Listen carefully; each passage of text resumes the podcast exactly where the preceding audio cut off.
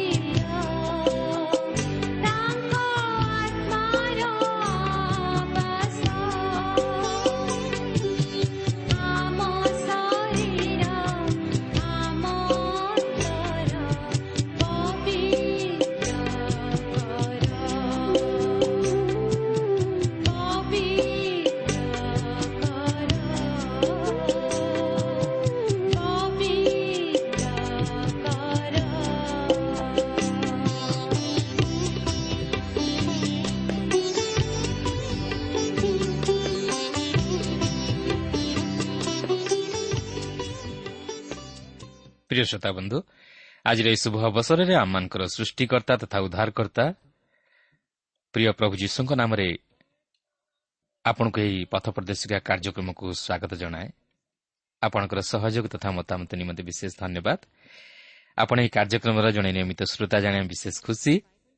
କେବଳ ସେତିକି ନୁହେଁ ଆପଣଙ୍କର ହୃଦୟସ୍ପର୍ଶୀ ସାକ୍ଷ୍ୟ ନିମନ୍ତେ ବିଶେଷ ଧନ୍ୟବାଦ।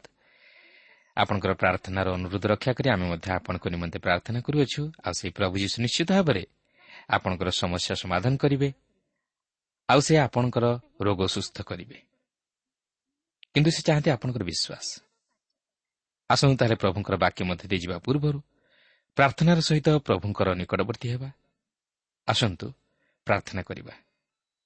ପ୍ରିୟ ପବିତ୍ର ପ୍ରଭୁ ତୁମର ପବିତ୍ର ନାମରେ ଧନ୍ୟବାଦ କରୁଅଛୁ। ଏହି ସୁନ୍ଦର ସମୟ ପାଇଁ ତୁମର ଜୀବନ୍ତ ବାକ୍ୟ ପାଇଁ ହଁ ପ୍ରଭୁ ତୁମର ବାକ୍ୟ ହିଁ ଆମମାନଙ୍କ ଜୀବନ ପାଇଁ ଶକ୍ତିଦାୟକ ସାନ୍ତ୍ୱନାଦାୟକ ଭରସାଦାୟକ। ଆଉ ତୁମର ବାକ୍ୟ ହିଁ ଆମମାନଙ୍କ ନିମନ୍ତେ ପ୍ରଭୁ ଆଲୋକ ସ୍ୱରୂପ ଆଉ ସେହି ବାକ୍ୟ ଅନୁଯାୟୀ ତୁମ ପଥରେ ଚାଲିବା ନିମନ୍ତେ ଆମମାନଙ୍କୁ ଶକ୍ତି ଦିଅ। ତୁମର ବାକ୍ୟ ମଧ୍ୟ ଦେଇ ତୁମେ ଆମମାନଙ୍କ ସହିତ କଥା କୁହ। ତୁମ ବାକ୍ୟର ଗଭୀର ମର୍ମକୁ ବୁଝିବା ନିମନ୍ତେ ତୁମେ ଆମମାନଙ୍କୁ ଜ୍ଞାନ ବିଶିଷ୍ଟ ଅନ୍ତକରଣ ଦାନ କର। ଆଜିର ଏହି କାର୍ଯ୍ୟକ୍ରମ ମଧ୍ୟ ଦେଇ ପ୍ରତ୍ୟେକ ଶ୍ରୋତାବନ୍ଧୁମାନଙ୍କୁ ଆଶୀର୍ବାଦ କର। ପ୍ରତ୍ୟେକଙ୍କର ମନୋବାଞ୍ଛା ତୁମେ ପୂର୍ଣ୍ଣ କରି ତୁମେ ଗୌର ମହିମା ପୂଜା ପ୍ରଶଂସା ପାଅ। ଏହି ସମସ୍ତ ପ୍ରାର୍ଥନା ମାନଙ୍କୁ ଉଦ୍ଧାର କର୍ତ୍ତା ଜୀବିତ ପୁନରୁତ୍ଥିତ ପ୍ରିୟ ପ୍ରଭୁ ଯୀଶୁଙ୍କ ନାମରେ ଏ ଅଳ୍ପ ଭିକ୍ଷା ମାଗୁଅଛୁ।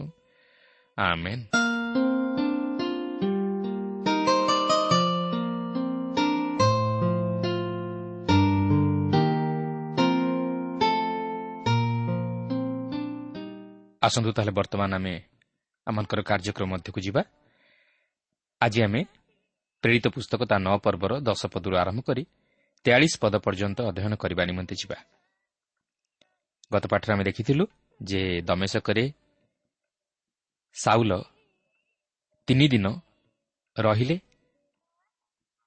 ଆଉ ସେହି ତିନି ଦିନର ରହଣି ମଧ୍ୟରେ ସେ ଯେଉଁ ଦର୍ଶନ ପାଇଥିଲେ ସେହି ଦର୍ଶନର ଅଭିପ୍ରାୟ କ'ଣ ଥିଲା ତାହା ବୁଝିବା ନିମନ୍ତେ ସେ ଚେଷ୍ଟା କରୁଅଛନ୍ତି।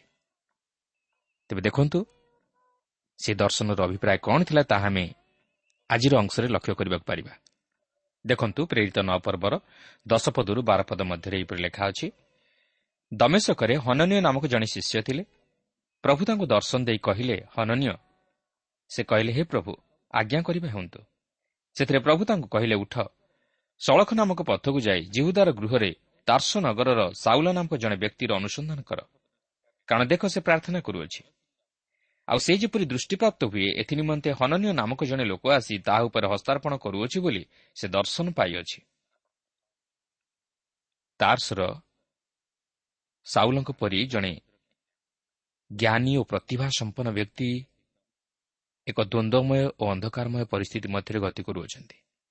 ମନ ମଧ୍ୟରେ ଅନେକ ପ୍ରଶ୍ନ ତଥା ସନ୍ଦେହ ଉଙ୍କି ମାରୁଛି। ମାତ୍ର କିଏ ତାହାର ସମାଧାନ ନିମନ୍ତେ ଉପାୟ ବତାଇବ? ଏହି ପ୍ରକାର ପରିସ୍ଥିତି ମଧ୍ୟରେ ସାଉଲ ବିବୃତ ହୋଇଯାଉଥିବା ସମୟରେ ଈଶ୍ୱରଙ୍କ ଆତ୍ମା ତହିଁର ଉପାୟ ପ୍ରସ୍ତୁତ କରୁଛନ୍ତି। ସେ ହନନୀୟ ନାମକ ଜଣେ ବ୍ୟକ୍ତିଙ୍କ ନିକଟକୁ ଯାଇ ସାଉଲଙ୍କ ବିଷୟରେ ଜଣାଉଛନ୍ତି ଓ ତାହାଙ୍କୁ ସାଉଲଙ୍କ ନିକଟକୁ ପଠାଉଛନ୍ତି ଯେପରି ସେ ସାଉଲଙ୍କୁ ସେହି ଦର୍ଶନର ଅଭିପ୍ରାୟ ଜଣାଇ ତାହାଙ୍କୁ ସେହି ଚିନ୍ତାରୁ ମୁକ୍ତ କରିବାକୁ ପାରନ୍ତି। ତେର ପଦରୁ ଷୋହଳ ପଦ ମଧ୍ୟରେ ଏହିପରି ଲେଖା ଅଛି। କିନ୍ତୁ ହନନୀୟ ଉତ୍ତର ଦେଲେ ପ୍ରଭୁ ଜିରୁସାଲାମରେ ଆପଣଙ୍କ ସାଧୁମାନଙ୍କ ପ୍ରତି ଏହି ଲୋକ ଯେ କେତେ ଉପଦ୍ରବ କରିଅଛି ତାହା ମୁଁ ଅନେକଙ୍କଠାରୁ ଏହି ଲୋକ ବିଷୟରେ ଶୁଣିଅଛି। ଆଉ ଏହି ସ୍ଥାନରେ ଯେତେ ଲୋକ ଆପଣଙ୍କ ନାମରେ ପ୍ରାର୍ଥନା କରନ୍ତି ସେମାନଙ୍କୁ ବାନ୍ଧିବା ନିମନ୍ତେ ସେ ପ୍ରଧାନ ଯାଜକମାନଙ୍କ ପାଖରୁ କ୍ଷମତା ପାଇଅଛି। କିନ୍ତୁ ପ୍ରଭୁ ତାଙ୍କୁ କହିଲେ ଯାଅ କାରଣ ସେ ବିଜାତି ରାଜା ଓ ଇସ୍ରାଏଲ୍ର ସନ୍ତାନମାନଙ୍କ ସମ୍ମୁଖରେ ଆମ୍ଭର ନାମ ବହନ କରିବା ନିମନ୍ତେ ଆମ୍ଭର ଜଣେ ମନୋନୀତ ପାତ୍ର ଅଟେ। ଯେଣୁ ଆମ୍ଭର ନାମ ସକାଶେ ତାହାକୁ ଯେ କେତେ ଦୁଃଖ ଭୋଗ କରିବାକୁ ହେବ ତାହା ଆମ୍ଭେ ତାହାକୁ ଜଣାଇବା। ସାଉଲଙ୍କୁ ଆହ୍ୱାନ କରିବାରେ ଈଶ୍ୱର ଦୁଇଟି ମହାନ କାରଣ ଦର୍ଶାନ୍ତି। ପ୍ରଥମତଃ ପ୍ରଭୁ ଯୀଶୁଙ୍କର ନାମ ବହନ କରି ସୁଷମାଚାରର ସାକ୍ଷୀ ହେବା ଆବଶ୍ୟକ। ସାଉଲ ଈଶ୍ୱରଙ୍କର ଜଣେ ମନୋନୀତ ପାତ୍ର ଥିଲେ। ସେ ଯେପରି ପ୍ରଭୁ ଯୀଶୁଙ୍କର ନାମ ବହନ କରନ୍ତି ଏଥି ନିମନ୍ତେ ଆହୁତ ହୋଇଥିଲେ। ଖ୍ରୀଷ୍ଟଙ୍କର ନାମ ବହନ କରିବା ଅର୍ଥ ଖ୍ରୀଷ୍ଟଙ୍କୁ ନିଜ ହୃଦୟ ମଧ୍ୟରେ ଗ୍ରହଣ କରି ତାହାଙ୍କର ସ୍ୱଭାବ ଓ ଆଦର୍ଶମୟ ଜୀବନ ଅନ୍ୟମାନଙ୍କ ନିକଟରେ ପ୍ରତିଫଳିତ କରିବା। ତେବେ ସେ ଯୀଶୁଙ୍କର ନାମକୁ ତିନୋଟି ଭିନ୍ନ ଭିନ୍ନ ଦଳ ନିକଟରେ ବହନ କରିବାକୁ ଥିଲା। ପ୍ରଥମତଃ ବିଜାତି ଦ୍ୱିତୀୟରେ ରାଜା ଓ ଇସ୍ରାଏଲ୍ ସନ୍ତାନମାନଙ୍କ ସମ୍ମୁଖରେ ବହନ କରିବାକୁ ଥିଲା। ବିଜାତିମାନେ ସେହି ତାଲିକାରେ ପ୍ରଥମ ସ୍ଥାନ ପାଇବାର ଆମେ ଲକ୍ଷ୍ୟ କରୁଅଛୁ। କାରଣ ସେହି ବିଜାତିମାନଙ୍କ ନିକଟରେ ପାଉଲ ଜଣେ ମହାନ ପ୍ରେରିତ ବ୍ୟକ୍ତି ବୋଲି ବିବେଚିତ ହେବାକୁ ଯାଉଥିଲେ। ଏହାପରେ ରାଜାମାନଙ୍କ ନିକଟରେ। ସେ ରାଜାମାନଙ୍କ ନିକଟରେ ଏପରିକି ସମ୍ଭବତଃ ନିରୋଙ୍କ ନିକଟରେ ବା ସେହି ସମସ୍ତ ରାଜାମାନଙ୍କ ନିକଟରେ ଯୀଶୁଙ୍କ ନାମ ବହନ କରିବାକୁ ଯାଉଥିଲେ। ଏବଂ ଏହାପରେ ଇସ୍ରାଏଲ୍ର ସନ୍ତାନମାନଙ୍କ ନିକଟରେ ମଧ୍ୟ ଯୀଶୁଙ୍କ ନାମ ବହନ କରିବାକୁ ଯାଉଥିଲେ। ଯେତେବେଳେ ପ୍ରେରିତ ପାଉଲ କୌଣସି ନଗରକୁ ଯାଉଥିଲେ ସେ ପ୍ରଥମେ ଜିହୁଦୀମାନଙ୍କର ସମାଜଗୃହ ମଧ୍ୟରେ ପ୍ରଚାର କାର୍ଯ୍ୟ ଆରମ୍ଭ କରୁଥିଲେ। ସେହିଠାରୁ ସେ ବିଜାତିମାନଙ୍କ ନିକଟକୁ ମଧ୍ୟ ଯାଉଥିଲେ। କିନ୍ତୁ ପ୍ରଥମରେ ସେ ଜିହୁଦୀମାନଙ୍କ ନିକଟକୁ ଯାଇ ପ୍ରଚାର କରୁଥିଲେ। ଦ୍ୱିତୀୟତଃ ଈଶ୍ୱର ତାହାଙ୍କୁ ଆହ୍ୱାନ କରିବାର କାରଣ ହେଉଛି ଯେ ତାହାଙ୍କ ନାମ ସକାଶେ ତାହାଙ୍କୁ ଅନେକ ଦୁଃଖ ଭୋଗ କରିବାକୁ ଥିଲା। ସେ ପ୍ରଭୁ ଯୀଶୁଖ୍ରୀଷ୍ଟଙ୍କ ନିମନ୍ତେ ଦୁଃଖ ସହ୍ୟ କରିବା ପାଇଁ ଆହୁତ ହୋଇଥିଲେ। ମୋର ମତରେ ପାଉଲଙ୍କ ପରି ଅନ୍ୟ କେହି ସେପରି ଖ୍ରୀଷ୍ଟଙ୍କ ସୁଷମାଚାର ପ୍ରଚାର ନିମନ୍ତେ ଦୁଃଖ ସହ୍ୟ କରିନାହାନ୍ତି। କେହି ହେଲେ କହିପାରିବେ ନାହିଁ ଯେ ମୁଁ ପାଉଲଙ୍କ ପରି ଖ୍ରୀଷ୍ଟଙ୍କ ନିମନ୍ତେ ଦୁଃଖ କଷ୍ଟ ସହ୍ୟ କରିଅଛି। ଆମେ ହୁଏତ କହିପାରୁ ଯେ ଆମେ ଖ୍ରୀଷ୍ଟଙ୍କ ନିମନ୍ତେ ଦୁଃଖ ସହ୍ୟ କରୁଅଛୁ। ହଁ ଏହା ସତ। କିନ୍ତୁ ଆମେ କେବେ ହେଲେ ପାଉଲଙ୍କ ସହିତ ନିଜକୁ ସମାନ କରିପାରିବା ନାହିଁ ଯେ ଆମେ ପାଉଲଙ୍କ ପରି ଦୁଃଖ ସହ୍ୟ କରୁଅଛୁ।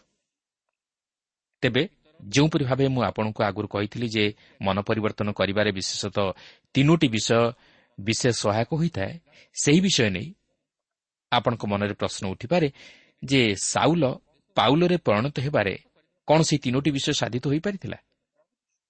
ତେବେ ଆସନ୍ତୁ ସଂକ୍ଷେପରେ ସାଉଲଙ୍କ ମନ ପରିବର୍ତ୍ତନରେ ସେହି ତିନୋଟି ବିଷୟ କିପରି ବିଶେଷ ସହାୟକ ହୋଇଥିଲା ତାହା ଲକ୍ଷ୍ୟ କରିବା। ଦେଖନ୍ତୁ ପ୍ରଭୁ ଯୀଶୁଖ୍ରୀଷ୍ଟ ବ୍ୟକ୍ତିଗତ ଭାବେ ପାଉଲଙ୍କ ନିକଟରେ ପ୍ରକାଶିତ ହେଲେ। ପ୍ରଭୁ ଯୀଶୁଖ୍ରୀଷ୍ଟ ତାଙ୍କ ଶିଷ୍ୟମାନଙ୍କୁ ଛାଡ଼ି ସ୍ୱର୍ଗାରୋହଣ କରିବା ପୂର୍ବରୁ ସେମାନଙ୍କୁ ଏହା କହିଥିଲେ ଯେ ସେ ସେମାନଙ୍କୁ ଅନାଥ କରି ଛାଡ଼ିଯିବେ ନାହିଁ। ମାତ୍ର ସେମାନଙ୍କ ନିମନ୍ତେ ସେହି ସତ୍ୟମୟ ଆତ୍ମାଙ୍କୁ ଅର୍ଥାତ୍ ପବିତ୍ର ଆତ୍ମାଙ୍କୁ ଦେବେ ଯିଏକି ସେମାନଙ୍କ ସହିତ ରହିବେ ଓ କାର୍ଯ୍ୟ ସାଧନ କରିବେ। ଆଉ ବର୍ତ୍ତମାନ ଲକ୍ଷ୍ୟ କରିବାର ବିଷୟ ହେଉଛି ଯେ ଯେତେବେଳେ ସେହି ପୁନରୁଦ୍ଧିତ ପ୍ରଭୁ ଶ୍ରୀଖ୍ରୀଷ୍ଟ ସାଉଲଙ୍କୁ ଦେଖାଦେଲେ ସେତେବେଳେ ପବିତ୍ର ଆତ୍ମା ତାହାଙ୍କର ଶାରୀରିକ ଚକ୍ଷୁ ବନ୍ଦ କରି ଆତ୍ମିକ ଚକ୍ଷୁ ଖୋଲିଦେଲେ ଯେପରି ସେ ପ୍ରଭୁ ଯୀଶୁଖ୍ରୀଷ୍ଟଙ୍କୁ ଦେଖିପାରନ୍ତି ତେଣୁକରି ଏଥିରୁ ପ୍ରମାଣିତ ହୁଏ ଯେ ପବିତ୍ର ଆତ୍ମା ନିଶ୍ଚିତ ଭାବେ ଏହି ମନ ପରିବର୍ତ୍ତନ କାର୍ଯ୍ୟରେ ଅନ୍ତର୍ଭୁକ୍ତ ଥିଲେ କାରଣ ପବିତ୍ର ଆତ୍ମାଙ୍କ ସହାୟତା ବିନା ମନ ପରିବର୍ତ୍ତନ କରିବା ଅସମ୍ଭବ ଦ୍ୱିତୀୟରେ ଈଶ୍ୱରଙ୍କ ବାକ୍ୟ କିପରି କାର୍ଯ୍ୟ ସାଧନ କଲା ତାରସର ସାଉଲ ଜଣେ ଫାରୁସି ଥିଲେ। ସେ ଈଶ୍ୱରଙ୍କ ବାକ୍ୟ ସମ୍ବନ୍ଧରେ ଅଧିକ କିଛି ଜାଣିଥିଲେ। ପ୍ରକୃତରେ ଦେଖିବାକୁ ଗଲେ ଯଦି କେହି ଈଶ୍ୱରଙ୍କ ବାକ୍ୟ ବିଷୟ ନେଇ ଅଧିକ କିଛି ଜାଣିଥାନ୍ତି ସେ ହେଉଛନ୍ତି ସାଉଲ। କାରଣ ଆମେ ଯେତେବେଳେ ମଣ୍ଡଳୀ ନିକଟକୁ ଦିଆଯାଇଥିବା ତାହାଙ୍କର ପତ୍ରଗୁଡ଼ିକୁ ଅଧ୍ୟୟନ କରୁ ସେତେବେଳେ ଆମେ ଜାଣିବାକୁ ପାରୁ ଯେ ପ୍ରେରିତ ପାଉଲ ପୁରାତନ ନିୟମ ସହିତ ବିଶେଷ ଜଡ଼ିତ ଥିଲେ ଓ ଶାସ୍ତ୍ର ଉପରେ ମଧ୍ୟ ତାହାଙ୍କର ଗଭୀର ଜ୍ଞାନ ଥିଲା ଯାହାକି ଏହି ମନ ପରିବର୍ତ୍ତନ କାର୍ଯ୍ୟରେ ବିଶେଷ ସହାୟକ ହୋଇପାରିଥିଲା। ତୃତୀୟରେ ଜଣେ ଈଶ୍ୱରଙ୍କ ଭକ୍ତ ସାଉଲଙ୍କର ଏହି ମନ ପରିବର୍ତ୍ତନ କାର୍ଯ୍ୟରେ ବିଶେଷ ସହାୟକ ଥିଲେ। ଯଦିଓ ସେହି ଦର୍ଶନ ପାଇବା ସମୟରେ ଈଶ୍ୱରଙ୍କ ଲୋକ ସେହି ସ୍ଥାନରେ ଉପସ୍ଥିତ ନଥିଲେ ମାତ୍ର ସେ ସାଉଲଙ୍କର ମନ ପରିବର୍ତ୍ତନରେ ବିଶେଷ ସହାୟକ ଥିଲେ ଆଉ ସେ ହେଉଛନ୍ତି ସ୍ତିଫାନ। କାରଣ ସ୍ତିଫାନଙ୍କ ମୃତ୍ୟୁର ପଛରେ ସାଉଲଙ୍କର ହାତ ଥିଲା ଓ ସାଉଲ ମଧ୍ୟ ସ୍ତିଫାନଙ୍କର ସେହି କାରୁଣ୍ୟ ଦୃଶ୍ୟକୁ ଦେଖିଥିଲେ। ସେ ସ୍ତିଫାନଙ୍କର ସେହି ଶେଷ କେତୋଟି କଥା ଶୁଣିଥିଲେ। ସ୍ତିପାନ ଯେଉଁ ଅନୁଭୂତି ଲାଭ କରିଥିଲେ ଓ ଦର୍ଶନ ପାଇଥିଲେ ସାଉଲ ହୁଏତ ତାହା ଦେଖିବା ନିମନ୍ତେ ଚେଷ୍ଟା କରିଥିବେ ମାତ୍ର ସେ ତାହା ସେ ପର୍ଯ୍ୟନ୍ତ ଦେଖିବାକୁ ପାରିନଥିଲେ ଯେପର୍ଯ୍ୟନ୍ତ ତାହାଙ୍କର ଆତ୍ମିକ ଚକ୍ଷୁ ଖୋଲି ନଥିଲା। ମାତ୍ର ଦିନ ଆସିଲା ସେହି ଦମେଶକର ପଥରେ ସେହି ସେହି ଦର୍ଶନ ଲାଭ କଲେ ଯାହାର ପଛରେ ସ୍ତିପାନଙ୍କ ଜୀବନର ସାକ୍ଷ୍ୟ ବିଶେଷ ପ୍ରଭାବ ପକାଇଥିଲା। ମୁଁ ବିଶ୍ୱାସ କରେ ଯେ ଏହି ପ୍ରକାର ମନ ପରିବର୍ତ୍ତନ କାର୍ଯ୍ୟରେ ଈଶ୍ୱର ତାଙ୍କର ଲୋକମାନଙ୍କୁ ଅସ୍ତ୍ର ସ୍ୱରୂପେ ବ୍ୟବହାର କରନ୍ତି। ତେଣୁକରି ସବୁ ସମୟରେ ଆମମାନଙ୍କର ଜୀବନ ଅନ୍ୟମାନଙ୍କ ନିକଟରେ ଆଦର୍ଶ ସ୍ୱରୂପ ହେବା ଉଚିତ ଓ ଖ୍ରୀଷ୍ଟଙ୍କ ନିମନ୍ତେ ସାକ୍ଷୀ ହେବା ଉଚିତ। ତେବେ ବର୍ତ୍ତମାନ ଏଠାରେ ଲକ୍ଷ୍ୟ କରିବାର ବିଷୟ ହେଉଛି ଯେ ସାଉଲ ସେହି ଦମେଶକରେ ଅଛନ୍ତି ଓ ଏକାକୀ ନିରବରେ ବସି ପ୍ରାର୍ଥନା କରୁଅଛନ୍ତି ଓ ସେ ମଧ୍ୟ ଏକ ଦ୍ୱନ୍ଦ୍ୱରେ ପଡ଼ିଯାଇଛନ୍ତି ମାତ୍ର ଈଶ୍ୱରଙ୍କ ଆତ୍ମା ହନନୀୟଙ୍କୁ ପଠାଉଛନ୍ତି ଯେପରି ସେ ସାଉଲଙ୍କୁ ସାହାଯ୍ୟ କରି ସେହି ସମସ୍ୟାରୁ ତାହାଙ୍କୁ ଉଦ୍ଧାର କରନ୍ତି। ସତର ପଦରେ ଏହିପରି ଲେଖା ଅଛି ସେଥିରେ ହନନୀୟ ପ୍ରସ୍ଥାନ କରି ସେହି ଗୃହରେ ପ୍ରବେଶ କଲେ ପୁଣି ତାଙ୍କ ଉପରେ ହସ୍ତାର୍ପଣ କରି କହିଲେ ସାଉଲ ଭାଇ ପ୍ରଭୁ ଅର୍ଥାତ୍ ଯେଉଁ ଯୀଶୁ ତୁମର ଆସୁଥିବା ପଥରେ ତୁମକୁ ଦର୍ଶନ ଦେଲେ ତୁମେ ଯେପରି ଦୃଷ୍ଟିପ୍ରାପ୍ତ ହୁଅ ଓ ପବିତ୍ର ଆତ୍ମାରେ ପରିପୂର୍ଣ୍ଣ ହୁଅ ଏଥିନିମନ୍ତେ ସେ ମୋତେ ପ୍ରେରଣ କରିଅଛନ୍ତି। ଦେଖନ୍ତୁ କି ଅଦ୍ଭୁତ ପରିବର୍ତ୍ତନ ଏଠାରେ ହନନ୍ୟ ସାଉଲ ଭାଇ ବୋଲି ସମ୍ବୋଧନ କରୁଅଛନ୍ତି ସେ ଆଉ ଶତ୍ରୁ ନୁହନ୍ତି ମାତ୍ର ସେ ଭାଇ କାରଣ ଯେ କେହି ପ୍ରଭୁ ଯୀଶୁଙ୍କୁ ପ୍ରେମ କରେ ସେ ବିଶ୍ୱାସୀମାନଙ୍କ ମଧ୍ୟରେ ଜଣେ ଭ୍ରାତା ବୋଲି ଗଣିତ ହୁଏ ସାଉଲ ତାଙ୍କର ଶାରୀରିକ ଦୃଷ୍ଟି ପାଇବାକୁ ଥିଲା ଓ ସେ ମଧ୍ୟ ପବିତ୍ର ଆତ୍ମାରେ ପୂର୍ଣ୍ଣ ହେବାକୁ ଥିଲା। ସେ ସେହି ସେବକ କାର୍ଯ୍ୟ ନିମନ୍ତେ ପବିତ୍ର ଆତ୍ମାରେ ପରିପୂର୍ଣ୍ଣ ହେବାକୁ ଥିଲା। କାରଣ ଏହି ଅନୁଭୂତି ପ୍ରତ୍ୟେକ ବିଶ୍ୱାସୀଙ୍କ ଜୀବନରେ ଆପେ ଆପେ ପ୍ରକାଶିତ ହୁଏ। ସେ ସେହି ଦମେଶକର ରାସ୍ତାରେ ପବିତ୍ର ଆତ୍ମାରେ ବାପ୍ତିଷ୍ଠ ହୋଇଥିଲେ। ଅନ୍ୟ ଅର୍ଥରେ କହିବାକୁ ଗଲେ ସେ ଉଦ୍ଧାର ପାଇଥିଲେ।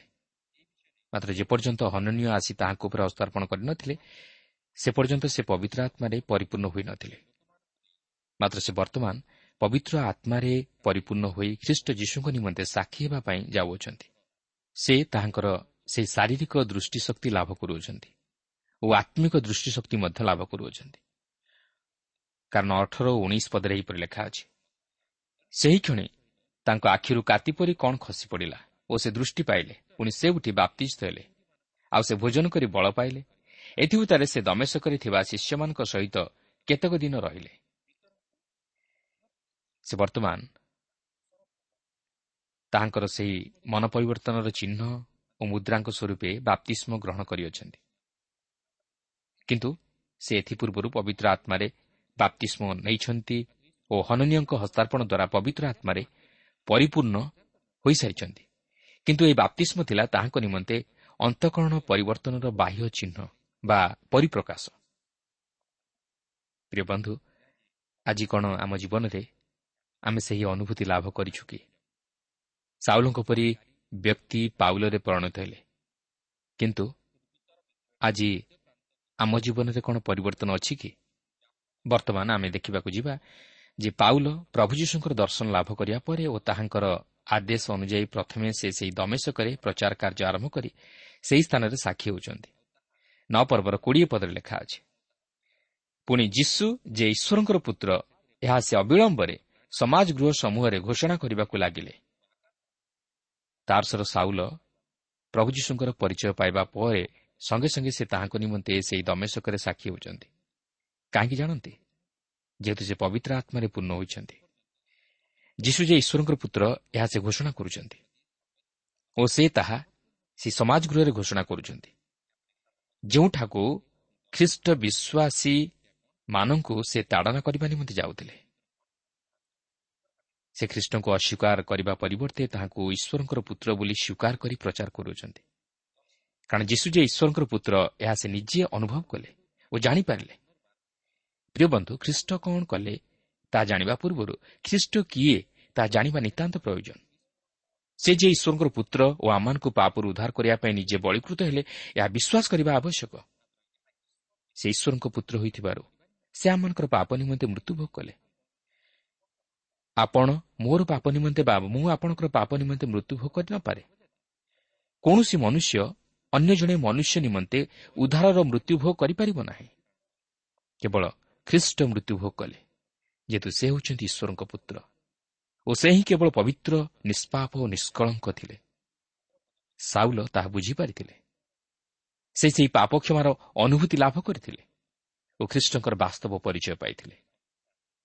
ଏକୋଇଶ ବାଇଶ ପଦରେ ଲେଖା ଅଛି ଆଉ ଯେଉଁମାନେ ତାଙ୍କ କଥା ଶୁଣିଲେ ସେମାନେ ସମସ୍ତେ ଆଚମ୍ବିତ ହୋଇ କହିବାକୁ ଲାଗିଲେ ଏହି ନାମ ଧରି ପ୍ରାର୍ଥନା କରୁଥିବା ଲୋକମାନଙ୍କୁ ଯିଏ ଜିରୁସାଲାମରେ ଉଚ୍ଛିନ୍ନ କରୁଥିଲା ଆଉ ଯେପରି ସେମାନଙ୍କୁ ବାନ୍ଧି ପ୍ରଧାନ ଯାଜକମାନଙ୍କ ନିକଟକୁ ଘେନି ଯାଇପାରେ ସେହି ଅଭିପ୍ରାୟରେ ଏହି ସ୍ଥାନକୁ ଆସିଥିଲା। ଏ କି ସେହି ନୁହେଁ?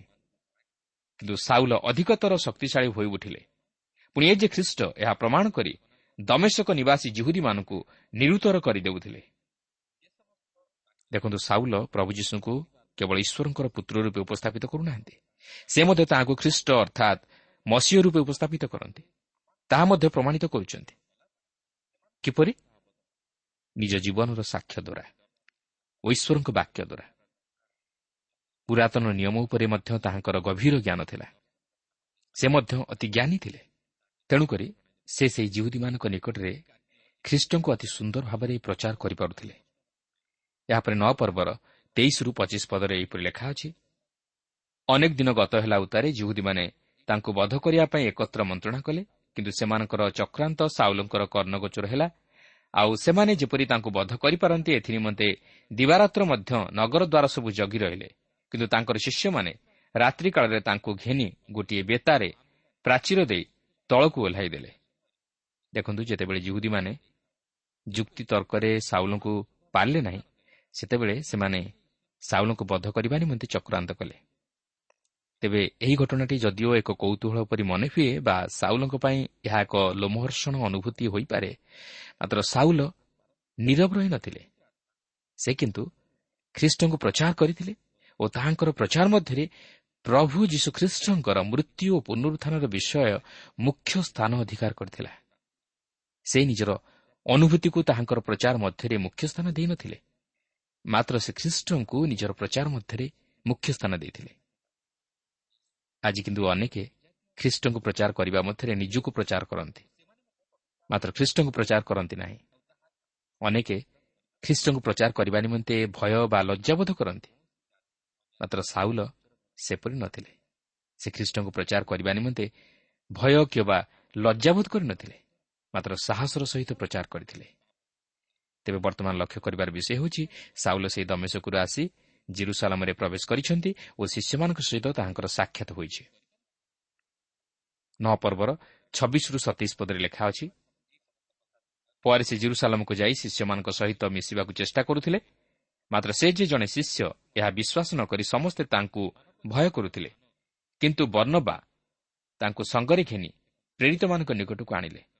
ପୁଣି ବାଟରେ ସେ କିପରି ପ୍ରଭୁଙ୍କର ଦର୍ଶନ ପାଇଥିଲେ ଓ ସେ ଯେ ତାଙ୍କ ସହିତ କଥା କହିଥିଲେ ଆଉ କି ପ୍ରକାରେ ସେ ଦମେଶକରେ ଯୀଶୁଙ୍କ ନାମରେ ସାହସପୂର୍ବକ ପ୍ରଚାର କରିଥିଲେ ଏହିସବୁ ସେ ସେମାନଙ୍କ ନିକଟରେ ବର୍ଣ୍ଣନା କଲେ। ସେମାନେ ଭାବିଲେ ଯେ ସାଉଲ ବୋଧହୁଏ ସେମାନଙ୍କ ନିକଟରେ ଛଳନା କରୁଛନ୍ତି। ଯେପରି ସେ ଏହିପରି ଭାବେ ସେମାନଙ୍କ ମଧ୍ୟରେ ପ୍ରବେଶ କରି ସେମାନଙ୍କ ପ୍ରତି ତାଡ଼ନା ଘଟାଇବେ ଓ ସେମାନଙ୍କର କ୍ଷତି କରିବେ। କାରଣ ସେମାନେ ସେହି ତାଡ଼ନାର ଅନୁଭୂତି ମଧ୍ୟ ଦେଇ ଗତି କରିଥିଲେ ଓ ସାଉଲଙ୍କର କାର୍ଯ୍ୟକଳାପ ମଧ୍ୟ ଜାଣିଥିଲେ। କିନ୍ତୁ ଏଠାରେ ଏକ ଚମତ୍କାର ବିଷୟ ଲକ୍ଷ୍ୟ କରିବେ ଯେ ବର୍ଣ୍ଣବା ଯେଉଁ ନାମର ଅର୍ଥ ସାନ୍ତ୍ୱନାର ପୁତ୍ର ସେ ସାଉଲଙ୍କୁ ଏହିପରି ଏକ ପରିସ୍ଥିତିରେ ତାହାଙ୍କୁ ସାନ୍ତ୍ୱନା ଦେଇ ଗ୍ରହଣ କରୁଛନ୍ତି। ଅନ୍ୟମାନେ ସାଉଲଙ୍କୁ ଅବିଶ୍ୱାସ କଲେ ମଧ୍ୟ ସେ ତାହାଙ୍କ ପ୍ରତି ବିଶ୍ୱାସର ହସ୍ତ ବଢ଼ାଇ ତାହାଙ୍କୁ ଶିଷ୍ୟମାନଙ୍କ ଗହଣକୁ ନେଇ ଆସୁଛନ୍ତି। ବାସ୍ତବରେ ସେଦିନ ଯଦି ଶିଷ୍ୟମାନଙ୍କ ଗହଣକୁ ସାଉଲଙ୍କୁ କିଏ ଆମନ୍ତ୍ରଣ ଜଣାଇଥାନ୍ତି ତାହେଲେ ସେ ହେଉଛନ୍ତି ବର୍ଣ୍ଣବା। ଆଜି ମଧ୍ୟ ଏହିପରି ନୂତନ ବିଶ୍ୱାସୀମାନଙ୍କୁ ଖ୍ରୀଷ୍ଟଙ୍କ ସହଭାଗିତା ମଧ୍ୟରେ ସ୍ଥାନ ଦେଇ ସେମାନଙ୍କୁ ଉତ୍ସାହିତ କରିବା ବା ସାନ୍ତ୍ୱନା ଦେବା କେତେ ଗୁରୁତ୍ୱପୂର୍ଣ୍ଣ ବିଷୟ। କିନ୍ତୁ ଆମେ କ'ଣ ତାହା କରିପାରୁଛୁ କି? ନଅ ପର୍ବର ଅଠେଇଶ ଓ ଅଣତିରିଶ ପଦରେ ଲେଖା ଅଛି ଆଉ ସେ ସେମାନଙ୍କ ସହିତ ଜିରୁସାଲମରେ ଗମନାଗମନ କରି ପ୍ରଭୁଙ୍କର ନାମ ସାହସପୂର୍ବକ ପ୍ରଚାର କରିବାକୁ ଲାଗିଲେ। ପୁଣି ସେ ଗ୍ରୀକ୍ ଭାଷାବାଦୀ ଜୁହୁଦୀମାନଙ୍କ ସହିତ କଥାବାର୍ତ୍ତା ଓ ତର୍କ ବିତର୍କ କରୁଥିଲେ। କିନ୍ତୁ ସେମାନେ ତାଙ୍କୁ ବଧ କରିବା ସକାଶେ ଚେଷ୍ଟା କରିବାକୁ ଲାଗିଲେ। ପାଉଲ ସେହି ଜିରୁସାଲାମରେ ଥିବା ଶିଷ୍ୟମାନଙ୍କ ସହ ରହିଲେ ଓ ପ୍ରଭୁଙ୍କର ନାମ ସାହସପୂର୍ବକ ପ୍ରଚାର କରିବାକୁ ଲାଗିଲେ। କିନ୍ତୁ ଏଠାରେ ମଧ୍ୟ ସେହି ପ୍ରକାରେ ସେହି ଗ୍ରୀକ୍ ଭାଷାବାଦୀ ଜୁହୁଦୀମାନେ ପାଉଲଙ୍କୁ ବଦ୍ଧ କରିବା ନିମନ୍ତେ ଚକ୍ରାନ୍ତ କଲେ। କିନ୍ତୁ ଏମାନେ ପ୍ରକୃତିରେ ଗ୍ରୀକ୍ ଲୋକ ନଥିଲେ। ମାତ୍ର ଏମାନେ ଇସ୍ରାଏଲୀୟ ଲୋକ ଥିଲେ। ଓ ସେମାନଙ୍କର ଗ୍ରୀକ୍ ପୃଷ୍ଠଭୂମି ଥିଲା। ସେମାନେ ଇସ୍ରାଏଲ୍ର ବାହାରେ କୌଣସି ସ୍ଥାନରେ ରହି ଗ୍ରୀକ୍ ସଭ୍ୟତା ମଧ୍ୟରେ ବଢ଼ିଥିଲେ। କିନ୍ତୁ ପାଉଲଙ୍କର ପ୍ରଚାର ଏତେ ଦୂର ଶକ୍ତିଯୁକ୍ତ ଥିଲା ଯେ ସେମାନେ ଶେଷରେ ତାହାଙ୍କୁ ବଦ୍ଧ କରିବା ନିମନ୍ତେ ଚେଷ୍ଟା କଲେ। ତିରିଶ ଓ ଏକତିରିଶ ପଦରେ ଲେଖା ଅଛି ତାହା ଜାଣିପାରି ଭାଇମାନେ ତାଙ୍କୁ କାଇସରିଆକୁ ଘେନିଯାଇ ତାର୍ସକୁ ପଠାଇଦେଲେ। ଏହି ପ୍ରକାରେ ସମୁଦାୟ ଜିହୁଦା ପ୍ରଦେଶ ଗାଲିଲି ଓ ସମୀରଣର ମଣ୍ଡଳୀ ନିଷ୍ଠାପ୍ରାପ୍ତ ହୋଇ ଓ ପ୍ରଭୁଙ୍କର ଭୟରେ ଆଚରଣ କରି ଶାନ୍ତି ଭୋଗ କଲେ ପୁଣି ପବିତ୍ର ଆତ୍ମାଙ୍କ ସାହାଯ୍ୟରେ ବୃଦ୍ଧି ପାଇବାକୁ ଲାଗିଲେ। ଶେଷରେ ପାଉଲ ନିଜର ନଗର ତାର୍ସକୁ ଫେରିଗଲେ। ବୋଧହୁଏ ସେ ନିଜର ପିତା ମାତା ଭାଇ ଓ ଭଉଣୀମାନଙ୍କୁ ଖ୍ରୀଷ୍ଟଙ୍କ ବିଷୟରେ ଜଣାଇବା ନିମନ୍ତେ ଗଲେ। ଆମେ ସେମାନଙ୍କ ବିଷୟରେ ମଧ୍ୟ କିଛି ଜାଣୁନା ତାଛଡ଼ା ପାଉଲ ମଧ୍ୟ ତାଙ୍କର ପରିବାର ସମ୍ପର୍କରେ କିଛି କୁହନ୍ତି ନାହିଁ। କିନ୍ତୁ ଆମେ ଦେଖୁଛୁ ଯେ ଏହି ସମସ୍ତ ପ୍ରକାର ବାଧାବିଘ୍ନ ଓ ପ୍ରତିବନ୍ଧକ ସତ୍ତ୍ୱେ ମଣ୍ଡଳୀ ବୃଦ୍ଧି ପାଇବାକୁ ଲାଗିଲା। ସୁଷମାଚାର ଜିହୁଦା ଗାଲିଲି ଓ ସମୀରଣରେ ପ୍ରଚାରିତ ହେବାକୁ ଲାଗିଲା ଓ ଏହା ମଧ୍ୟ ଅତି ଅଳ୍ପ ଦିନ ମଧ୍ୟରେ ପୃଥିବୀର ପ୍ରାନ୍ତ ପର୍ଯ୍ୟନ୍ତ ବ୍ୟାପିଯିବ। ବର୍ତ୍ତମାନ ଆସନ୍ତୁ ଟିକେ ପିତରଙ୍କର ପ୍ରଚାର କାର୍ଯ୍ୟ ଉପରେ ଦୃଷ୍ଟି ଦେବା। ସେ ମଧ୍ୟ ଲୁଦିଆ ଓ ଜାଫରେ ପ୍ରଚାର କାର୍ଯ୍ୟ ଚାଲୁ ରଖିଥିଲେ। ଦେଖନ୍ତୁ ବତିଶରୁ ପଞ୍ଚତିରିଶ ପଦରେ ଏହିପରି ଲେଖା ଅଛି। ଇତିମଧ୍ୟରେ ପିତର ସମସ୍ତ ଅଞ୍ଚଳ ଭ୍ରମଣ କରୁ କରୁ ଲୁଦ ନିବାସୀ ସାଧୁମାନଙ୍କ ନିକଟକୁ ମଧ୍ୟ ଆସିଲେ। ସେ ସ୍ଥାନରେ ସେ ଏନିଓ ନାମକ ଜଣେ ଲୋକଙ୍କର ଦେଖା ପାଇଲେ। ସେ ଆଠ ବର୍ଷ ପର୍ଯ୍ୟନ୍ତ ଶଯ୍ୟାଶାୟୀ ଥିଲେ। ତାଙ୍କୁ ପକ୍ଷାଘାତ ହୋଇଥିଲା। ପିତର ତାଙ୍କୁ କହିଲେ ଏନିଓ ଯୀଶୁଖ୍ରୀଷ୍ଟ ତୁମ୍ଭକୁ ସୁସ୍ଥ କରୁଅଛନ୍ତି। ଉଠ ତୁମର ସେଜ ସଜାଡ଼ ସେଥିରେ ସେ ତତ୍କ୍ଷଣାତ ଉଠିଲେ। ଆଉ ଲୁଦ ଓ ସାରଣ ନିବାସୀ ସମସ୍ତେ ତାଙ୍କୁ ଦେଖି ପ୍ରଭୁଙ୍କ ପ୍ରତି ଫେରିଲେ। ଦେଖନ୍ତୁ ପିତରଙ୍କ ଦ୍ୱାରା ମଧ୍ୟ ଅଲୌକିକ କାର୍ଯ୍ୟମାନ ସାଧିତ ହେବାକୁ ଲାଗିଲା। କାରଣ ସେ ଜଣେ ପ୍ରେରିତ ଥିଲେ ଓ ସେହି କାର୍ଯ୍ୟ କରିବା ନିମନ୍ତେ ପବିତ୍ର ଆତ୍ମାଙ୍କ ଶକ୍ତିରେ ପୂର୍ଣ୍ଣ ହୋଇଥିଲେ।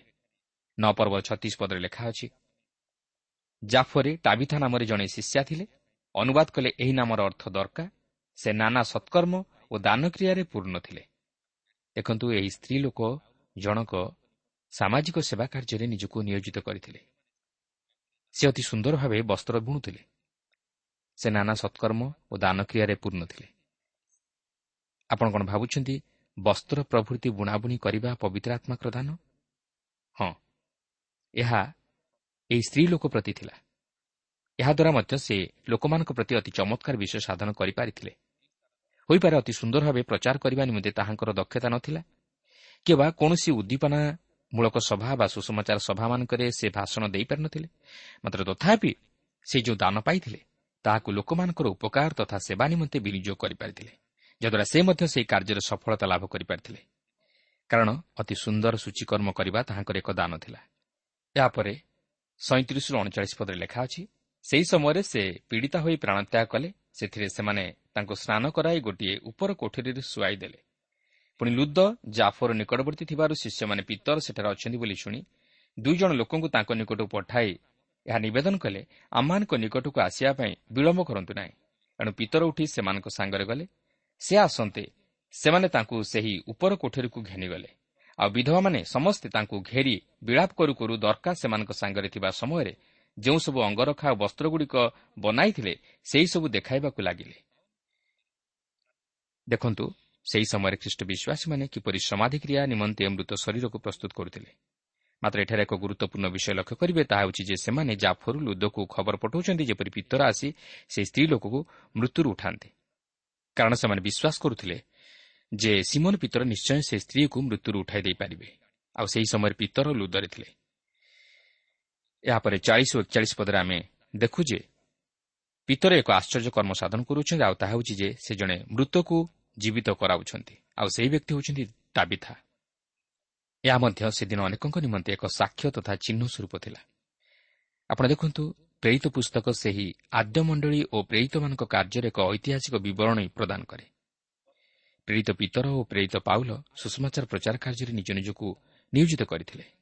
ପାଉଲ ବିଜାତୀୟମାନଙ୍କ ନିକଟରେ ସୁଷମାଚାର ପ୍ରଚାର କରିବା ନିମନ୍ତେ ଆହୁତ ହୋଇଥିଲେ ଓ ପିତର ନିଜର ଲୋକମାନଙ୍କ ମଧ୍ୟରେ ସୁଷମାଚାର ପ୍ରଚାର କରିବା ନିମନ୍ତେ ଆହୁତ ହୋଇଥିଲେ ଏବଂ ଉଭୟ ମଧ୍ୟ ଚିହ୍ନ ସ୍ୱରୂପେ ଜଣେ ଜଣେ ମୃତ ବ୍ୟକ୍ତିଙ୍କୁ ଜୀବିତ କରାଇଥିଲେ।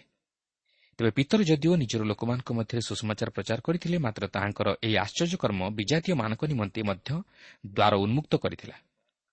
ଏହାପରେ ବୟାଳିଶରୁ ତେୟାଳିଶ ପଦରେ ଆମେ ଦେଖୁ ଯେ ଏହି କଥା ଜାଫୋର ଚାରିଆଡ଼େ ବ୍ୟାପିଗଲା। ଦେଖନ୍ତୁ ସେହି ଆଶ୍ଚର୍ଯ୍ୟକର୍ମ ସୁଷମାଚାରର ସତ୍ୟତାକୁ ପ୍ରମାଣିତ କରିବା ସଙ୍ଗେ ସଙ୍ଗେ ଅନେକଙ୍କୁ ପ୍ରଭୁ ଯୀଶୁଙ୍କର ନିକଟବର୍ତ୍ତୀ କରାଇପାରିଥିଲା ଅନେକ ପ୍ରଭୁ ଯୀଶୁଙ୍କଠାରେ ବିଶ୍ୱାସ କଲେ କିନ୍ତୁ ବର୍ତ୍ତମାନ ସେପରି ନୁହେଁ। ବର୍ତ୍ତମାନ ସେହି ସମସ୍ତ ବିଷୟ ସୁଷମାଚାରର ସତ୍ୟତାକୁ ପ୍ରମାଣିତ କରିବାକୁ ଯାଇ ଲିଖିତ ଆକାରରେ ଆମମାନଙ୍କ ନିକଟରେ ପ୍ରକାଶ କରାଯାଇଅଛି। ତେଣୁ ସେହି ସୁଷମାଚାରର ସତ୍ୟତା ଉପରେ ଯଦି ଆମେ ଆମର ବିଶ୍ୱାସ ସ୍ଥାପନ କରୁ ତାହେଲେ ଆମେ ପ୍ରଭୁ ଯୀଶୁଙ୍କର ବାସ୍ତବ ପରିଚୟ ପାଇପାରିବା। ତେଣୁ ଆମେ ଚିହ୍ନ ଉପରେ ନୁହେଁ ମାତ୍ର ପ୍ରଭୁ ଯୀଶୁଙ୍କର ବାକ୍ୟ ଉପରେ ବିଶ୍ୱାସ କରି ତାହାଙ୍କୁ ନିଜ ହୃଦୟରେ ଉଦ୍ଧାରକର୍ତ୍ତା ରୂପେ ଗ୍ରହଣ କଲେ ଆମେ ପାପରୁ ଉଦ୍ଧାର ପାଇପାରିବା ଓ ଅନନ୍ତ ଜୀବନର ଅଧିକାରୀ ହୋଇପାରିବା। ପ୍ରଭୁ ପ୍ରତ୍ୟେକଙ୍କୁ ଆଶୀର୍ବାଦ କରନ୍ତୁ।